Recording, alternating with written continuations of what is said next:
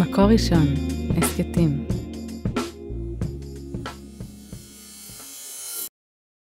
טוב, אה, תודה שבאת. הכנתי כמה שאלות. כן, אני גם הכנתי כמה שאלות. אז אה, כיוון שאני אשכנזי, נתחיל איתי. כן. אה, בבקשה. אבישי בן חיים. אבישי, כן. הבעיה העיקרית שלי עם התזה שלך, ישראל הראשונה והשנייה, כן. זה ש... קודם כל אני צריך להגיד שאני מסכים לחלקים מאוד נרחבים שלה, ולדעתי הרבה אנשים לא מבינים אותה, והדרך הכי טובה לזהות מי שלא מבין זה להגיד שהוא אומר אבל ביבי אשכנזי, נכון? כן, זה מעיד שהוא. לא הבין כלום וגם לא רוצה להבין. כלום לא הבין.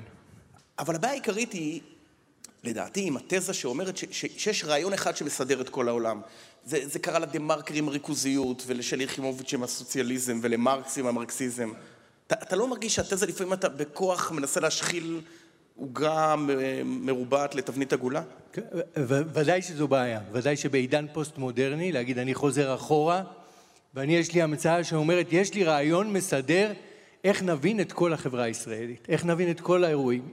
אבל אני באמת חושב שאם אנחנו רוצים לנתח את המתרחש בישראל מאז 77, אין לנו ברירה אלא לנגוע בדבר הזה. עם מרקס דיברנו, מרקס אומר, מלחמת המעמדות היא זאת שמחוללת את ההיסטוריה, אני אומר המלחמה של ההגמוניה. ומ-77 אנחנו רואים מאמץ של ישראל הראשונה לשמור על ההגמוניה שלה, ולא תבין את המציאות שלנו בלעדיה, לא תבין מה קרה, איך עברה פתאום, איך, עבר, איך עברה פתאום הסמכות ואיך עברה, עבר הכוח מהמערכת הפוליטית למערכת המשפטית כדי לבלום את הדמוקרטיה, ולא תבין גם את שינויי האידיאולוגיות באליטה הישראלית. יש מהלך מדהים של השינויי אידיאולוגיות באליטה הישראלית. הם התחילו בציונות סוציאליסטית, ואז זה נשבר באיזשהו שלב, כי זה מקסים, כן? ואנחנו אוהבים את זה נורא, אבל אבל- והרעיון הזה של כל אחד יקבל, אה, כל אחד יעבוד כמה שהוא, צר- כמה שהוא יכול ויקבל כמה שהוא צריך, זה, זה מקסים. והקיבוץ והכל, אבל זה לא עבד. ואז הם עברו לאידיאולוגיה חדשה, האידיאולוגיה של השלום. שלום עכשיו, שהיא גם אידיאולוגיה משיחית, וגם היא לא עבדה. ואז הם עברו לאידיאולוגיה חדשה, שים לב מה קרה. שהיא? שהיא האידיאולוגיה החדשה, היא מאבק בשחיתות. עכשיו האידיאולוגיה ההיא של שלום עכשיו, 78 שלום עכשיו מוקמת. ושלום עכשיו, הדבר המרכזי שהיא עושה זה מאבק להפלתו של בגין. ולהוציא לו את הנשמה. סליחה שאני אומר כך.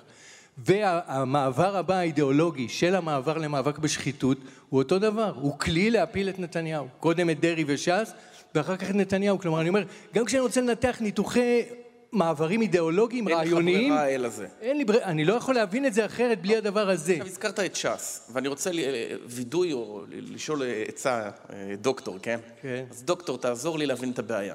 כשאתה דיברת על דרעי, ועל זה שבעצם בעצם אתה, אתה הולך עם התזה הזאת הרבה שנים, היא, היא תפסה נפח מאוד גדול בגלל שכל דבר שנוגע בנתניהו מתנפח לממדים מטורפים. נתניהו כאילו נדחף לתזה, הוא לא, הוא לא היה אמור להיות חלק ממנה. נתניהו הוא סטטיסט בתזה. כן. אבל כשאתה השמעת את התזה הזאת על דרעי, היו לנו ויכוחים מרים, אני חשבתי, אני אמרתי שאני לא מבין על מה אתה מדבר.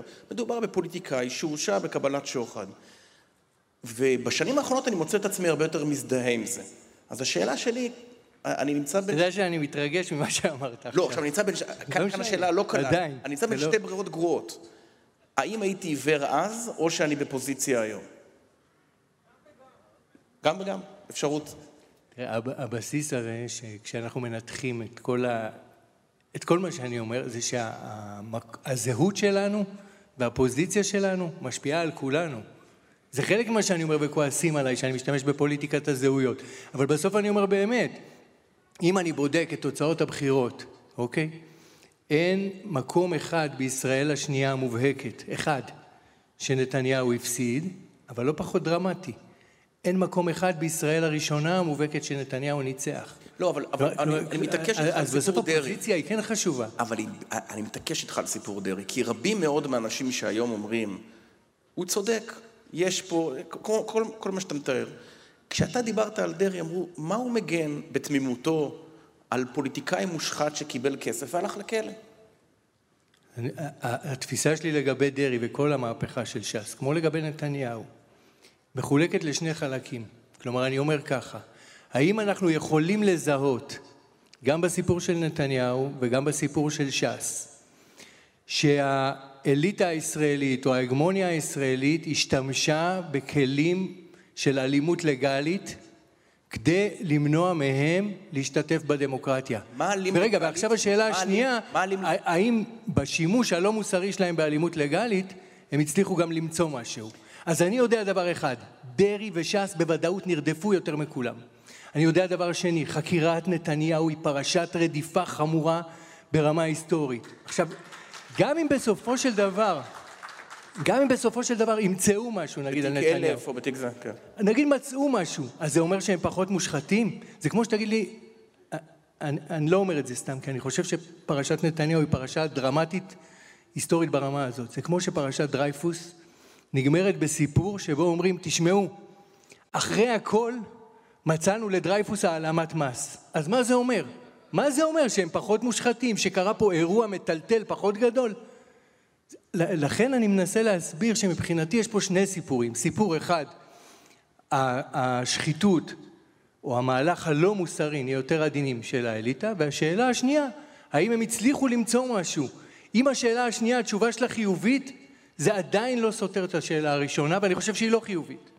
ואז יגידו לך, תראה, אתה בחור נחמד אבישי, באמת, נטול זדון, אבל התזה שלך מפרקת את החברה הישראלית. איך מפרקת? במובן איך, ש... איך מפרקת? אתה רואה, את- אתה רואה את אמסלם, מה, מה חשבת אגב על ההתבטאות של אמסלם כלפי הנשיאה חיות? רגע, אני, אני, אני אתחמק באלגנטיות. אה, שמע רגע, אני רוצה להגיד, מה זה המפרקת? התפיסה... במובן הזה, אני אגיד לך, אני אגיד לך רגע, גם מה אני- כן. מפרקת, אני אני אתעקש איתך על זה. תראה, בחברה האמריקאית יש שתי ארצות הברית של אמריקה. נבחר דונלד טראמפ, מסיט את הספינה ב-180 מעלות, והוא התגשמות כל הסיוטים של הצד השני. ואז מגיע ביידן ועושה control Z על הכל. שם אני מבין את, את השסע, אני מבין את המריבות בין ניו יורק וקליפורניה לבין אוקלהומה ואלבמה. במדינת ישראל, בוא נגיד את האמת, המחלוקות האידיאולוגיות הגדולות נגמרו, הם נגמרו. עלתה ממשלה עם העבודה ומרץ ואין שום תהליך מדיני. אולי הם היו רוצים, אבל עובדה שזה לא קורה. והיה ממשלת ימין שגם היא מינתה שופטים, אה, אה, אה, אני יודע מה, ליברליים. אז כאילו אתה שופך דלק למדורה ש... שכבר הגחלים לוחשות ל... שני- על סף להיכבות. שני- שני דברים. הדבר הראשון, הניסיון להשוות את השימוש בפוליטיקת הזהויות כאן לפוליטיקת הזהויות בחו"ל הוא שגיאה. בוא נגיד דוגרי, מה שאני עושה עם פוליטיקת הזהויות זה כמעט השמאל יכול לתבוע אותי. אני למדתי מההוגים החרדיים אה, להשתמש בדימוי ויגזול את החנית מיד המצרי ויכהו בחניתו. זה שפה שלהם, זה טקסטים שלהם, אני משתמש בהם, אני חושב שאני עושה את זה בסדר. אבל הרעיון המרכזי שאני אומר, השימוש בפוליטיקת הזהויות כאן הוא שונה. למה? כי בישראל להחליש את ההגמוניה, המשמעות היא לחזק את הלאומיות. לא הפוך. לכן מה שאני עושה מחזק את הלאומיות, לא מחליש אותה. הדגש המרכזי, הרי כל הזמן אני מדבר, ישראל השנייה, ישראל השנייה. מה הכותרת של ישראל השנייה? הלאומיות. בוודאי הלאומיות, אני אומר, הלאומיות ויותר מזה. ולכן גם התמיכה העדפה ברורה. ובבגין. בוודאי. כי הם משרתים את האינטרס הלאומי ולא המזרחי. נכון, זאת- בוודאי, אני כל הזמן, הדגש המרכזי ב, ב, ב, ב, באידיאולוגיה או בתפיסה הערכית של ישראל השנייה, זה העדפה של האינטרס הלאומי והיהודי על פני האינטרס העדתי והמעמדי, זה הבסיס. בגלל זה גם בוחרים בנתניהו ובבגין. לפעמים אומרים לנו, אתם חלילה שיש לנו איזה שנאה לאחינו האשכנזים, חס ושלום. הרי כל הבסיס הוא שמרוב שאנחנו לאומיים ומרוב שאין לנו, אז המועמדים שלנו זה בגין ונתניהו, והרצל לפני כן, כי הם אנשים שתורמים הכי הרבה לעם היהודי. בסוף הבסיס זה הלאומיות והיהדות, זה אבל, בס, הבסיס. אבל בסוף יושב דודי אמסלם, שאומר שמינץ שתה והאיש שתתה, ו... והתחמקת בכוונה מ... לא, אני אגיד לך למה, אני, כי, כי השתמשו בזה. אני חושב שהדברים של דודי אמסלם הם חשובים. ואני חושב שה, שהנשיאה חיות הייתה צריכה להוציא מכתב על השערורייה שהוא צודק במה שהוא אומר. על זה שמאז קום המדינה יש שבעה שופטים עליונים מזרחיים, על, על זה, על זה שגם עכשיו יש, על זה היא הייתה צריכה להוציא מכתב, זה הדבר המבהיל. על זה שבמשפט נתניהו אנחנו יודעים שיש פה משפט שהפילו ראש ממשלה שמייצג ציבור מודר. הוא מייצג, הוא הנבחר הדמוקרטי המובהק של ישראל אז אם אני. זורם עם התזה שלך- רגע, אז אני אמשיך. יש ציבור שיש לו תת ייצוג עד אפס ייצוג במערכת המשפט. תת ייצוג עד אפס ייצוג באקדמיה. תת ייצוג עד אפס ייצוג בתקשורת המרכזית. כל מה שהיה לציבור הזה בשותפות בדמוקרטיה זה לשים פתק בקלפי. והם שמו פתק ביבי, ואת זה- גם לקחו להם. ואת זה נתניהו לא הבין כשהוא מתקשר לנשיאת העליון? אני חושב שנתניהו הבין. אני אגיד לך, אתה... יש פה מהלך שהוא, שהוא יותר מורכב. אני חושב שגם נתניהו וגם בגין, חלק ממה שאנחנו יכולים להשתמש בהם, היא העובדה שהם דמויות ממלכתיות. אני שמח שנתניהו ככה. אני רוצה אותו דמות ממלכתית, אני לא רוצה אותו מנהיג פלנגות. הוא לא יכול להיות מנהיג פלנגות, הוא צריך להיות הדמות הממלכתית.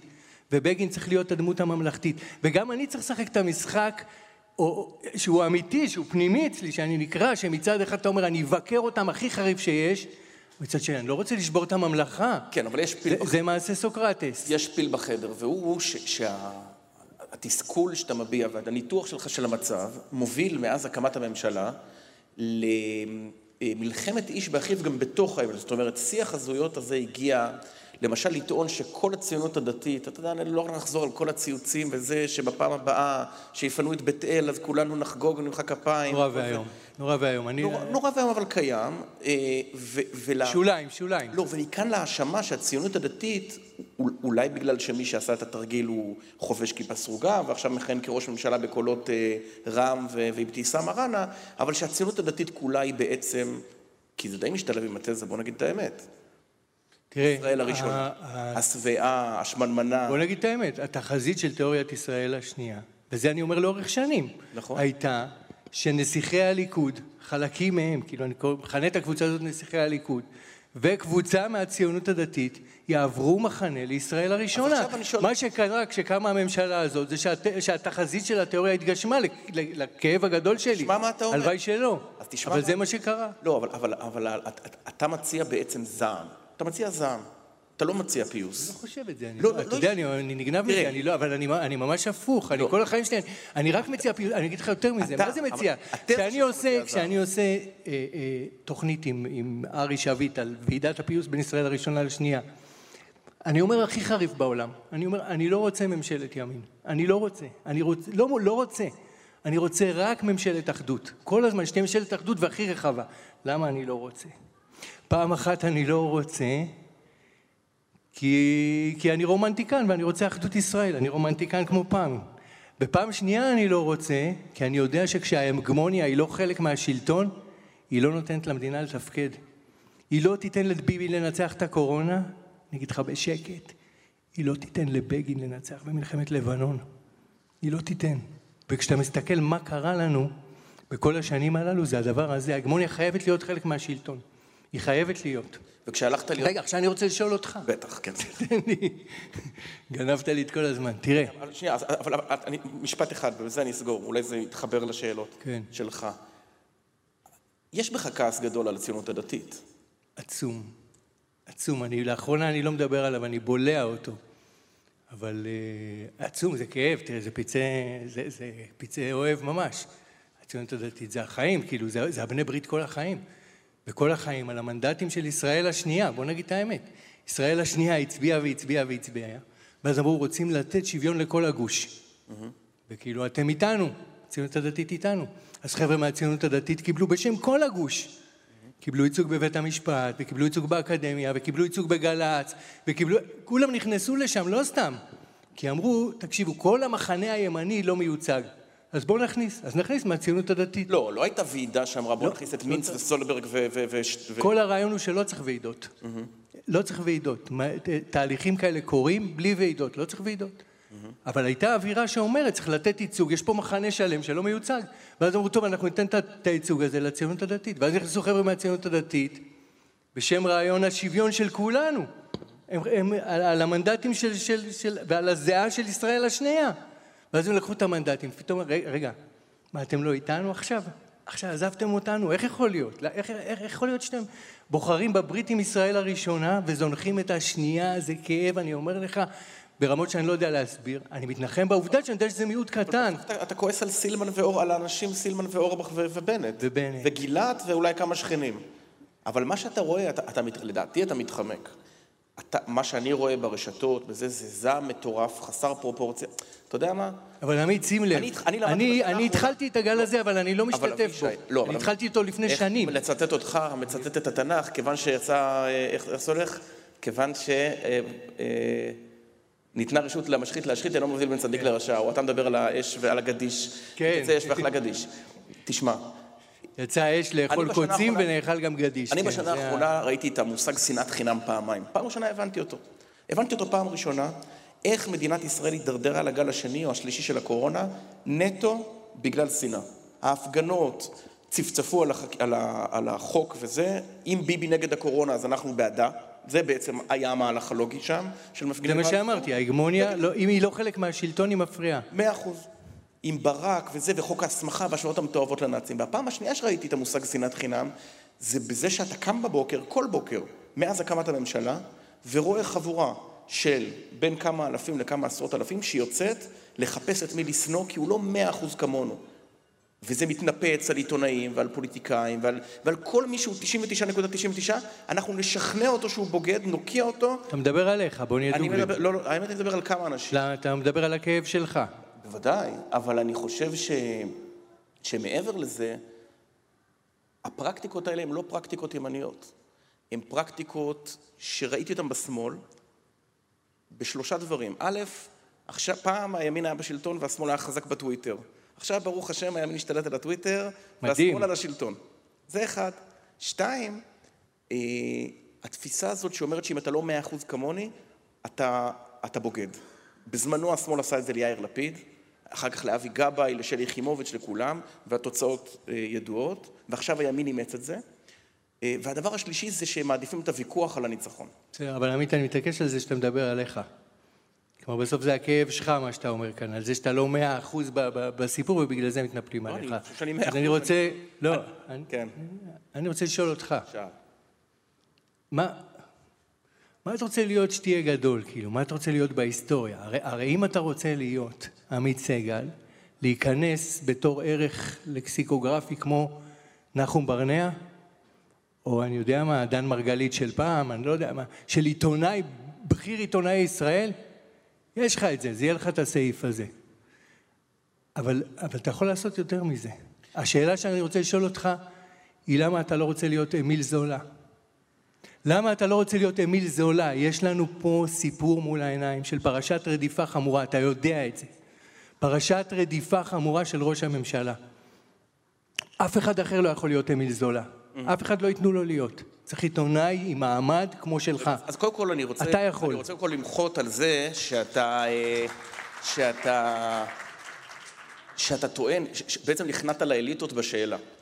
א', אמרת, אתה יכול להיות עיתונאי, יעני אובייקטיבי, כמו נחום ברנע. כן. נחום ברנע, נחום ברנע, השתמש בכוחו העיתונאי כדי למנוע מכם, כל מי שפה בקהל מעל לגיל 40, לדעת בזמן אמת שיאסר ערפאת, אין פניו לשלום אלא למלחמה. הג- הגיע אליו אדם, גם לפי הודעתו של נחום ברנע, הגיע אליו אדם, יגאל כרמון, הציע לו את ההקלטה. אין, ראיית הזהב בעיתונות זה הקלטה. והקלטה שבה אה, יאסר ערפאת אומר שגורל אה, ההסכם עם הישראלים יהיה כגורל ההסכם של מוחמד, אה, הנביא מוחמד אבני שבט קורייש. ונחום ברנע אמר, לפי גרסתו, תלך לאהוד יערי. אז, אז, אז, אז נחום לא, ברחת לי. נחום ברנע... אה, נשמה שלי, ברחת לי. רגע, רגע, מיד אני אחזור. את, אני לא אתחמק כמו- כמוך ואמסלם. אה, רגע, רגע, שלא, יהיו- שלא יהיו אי הבנות. אני גמרתי שידור על אמסלם בשיא ההתקפות נגדו, אני- שאני נותן לו נשיקה ביד. אם הייתי רואה אותו עכשיו, הייתי נותן לו עוד פעם נשיקה ביד. נחום ברנע, לדעתי, הוא, הוא, זה, זה, זה דווקא דוגמה טובה. אני לעולם לא אמנע מידע מצופים בשם האג'נדה שלי. אה, אני, אני אגיד לך, הוויכוח שם הוא לא ויכוח על אידיאולוגיה, הוא ויכוח על, אה, על מהות. הטענה שלי היא שברגע שאתה חוצה קו מסוים, שחצו אותו רבים מעמיתינו מהצד השני, כל המוסיף גורע. זאת אומרת, אתה יכול לשבת ולהודיע שבנימין נתניהו, ניקח את הדוגמה מהצד השני, אשם בתיק 4000, שלמעשה כל ההליך של החקירה במשפט הוא, הוא בעצם מין איזה משהו טכני מתיש כזה, בירוקרטי, אבל הוא בעצם כבר מקומו בכלא, כמו שעשו רבים מעמיתינו, השפעתם צללה, אה, השפע, שנייה, שנייה, השפעתם היחידה על סדר היום, בכוונה אני לא אומר שמות, עמיתים שלי ושלך, היא שכשהם אומרים משהו, רוב הציבור ישר רץ לצד השני. עכשיו אני אגיד לך מה טענ- טענתי. אני חושב שהמהפכה הגדולה, באמת, בתחום העיתונות, או, וזה יכול לקחת את זה לתחום המשפט או אקדמיה כל דבר אחר, זה לקחת ולהוכיח שאתה יכול להיות בעל מקצוע לעילא ולעילא, בלי לחתום בשלישות של השמאל. עכשיו אני אגיד לך איך אני מנסח, אני מנסח את המהפכה בתקשורת שהייתה מהפכת השוויון שכאילו הייתה, בשתי מילים, עמית סגל. חוץ ממך, חוץ ממך, אף אחד לא הצליח להגיע לפוזיציה הזאת. אף אחד לא הצליח להגיע לפוזיציה הזאת, שים לב, כולם גם נדחקו החוצה, כולם בערוצי נישה. עכשיו אני מקבל את הדבר הזה שאתה אומר. לא, אבל אני אומר... שצריך להיות בערוצי הגמוניה. אתה זוכר את לא ההתחלקות שלך אצל נדב פרי. אבל על המאמר, רגע, מיד נגיע לזה, אבל אבישי, לא, לא רואה את זה כהתחלקות, אבל מיד אני אגיד לך.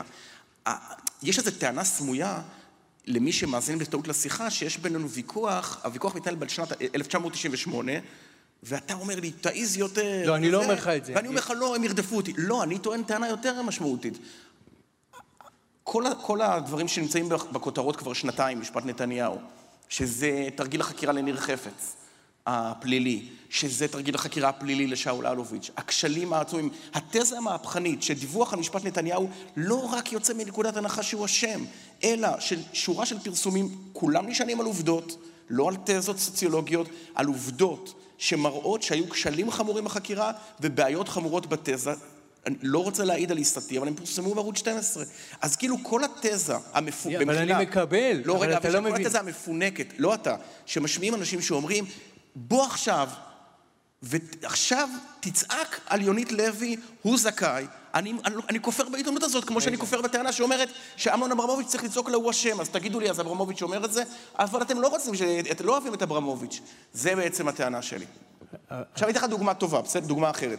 הרעיון הראשון עם נפתלי בנט, כשהוא אומר שתהיה ממשלה עם עשר מעלות ימינה וכל ההבטחות האלה, אז, אה, אז אה, זה, זה, זה רעיון שהוא העניק לי בבית שלו ברעננה, ונשאלו כל השאלות הקשות, כך אני חושב, ומיד אחרי הרעיון, מה שראיתי בפייסבוק, זה אלפי תגובות, נאצה, אכזבה, דאגה והלם, למה עשיתי איתו רעיון מלוקק.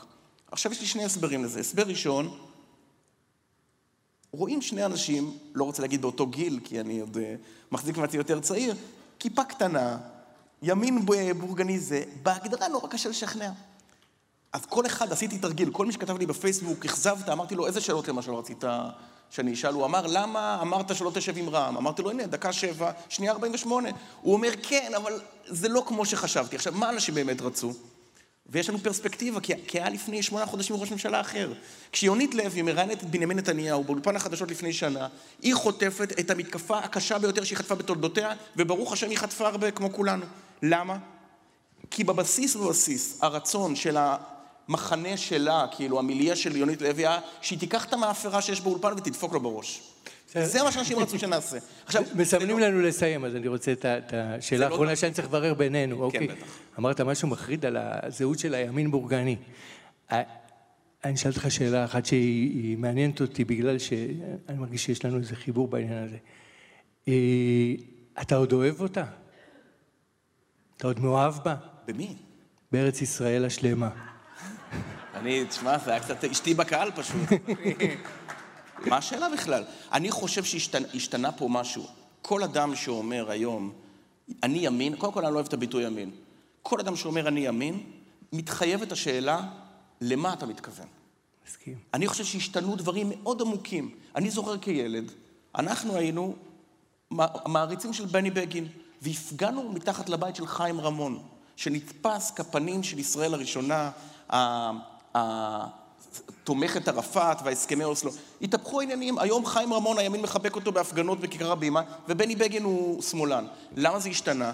כי הציר זז מסוגיית יהודה ושומרון לסוגיית מערכת המשפט. לא, אני אגיד לך עוד דבר, בוא עמית. כן. לפני לא הרבה חודשים, כתבת לי בקבוצת הוואטסאפ הקטנטנה שלנו, שאנחנו שלושה חבר'ה בה, כמו קבוצת תמיכה שלנו, כן. כתבת משהו מדהים.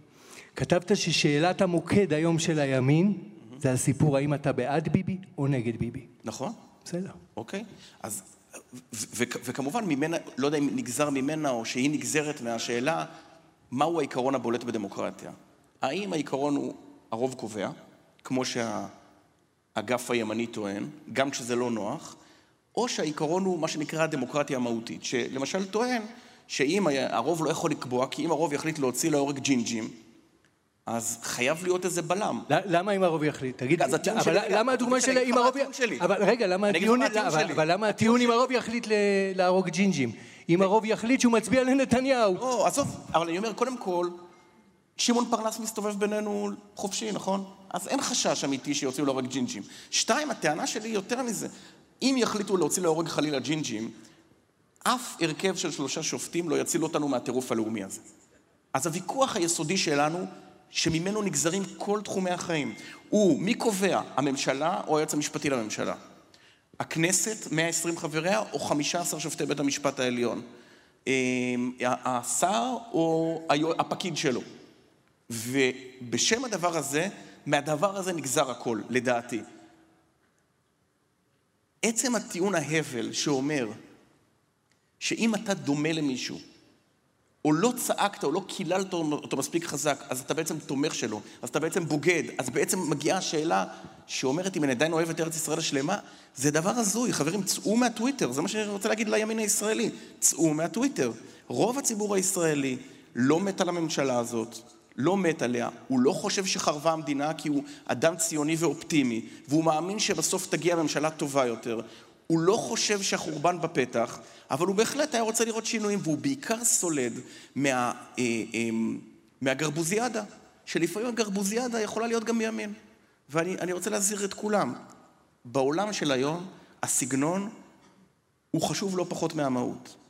אתה יכול להיות צודק, אתה יכול להיות אותנטי, אתה יכול להיות אה, אה, עם משנת עולם סדורה, אבל בסוף אתה יכול לאבד את שני המנדטים המכריעים שלך ברגע האחרון על איזו התבטאות, או על, על, על, על, על קריאה לשופטי העליון אה, לא לשפוט שיכורים, ולהתחרט עוד ארבע שנים אחר כך, כשאתה רואה את אה, ממשלות מוזרות כאלה או אחרות באות. אז תהיה אמיל זולה או לא תהיה אמיל זולה? תודה רבה. תודה רבה.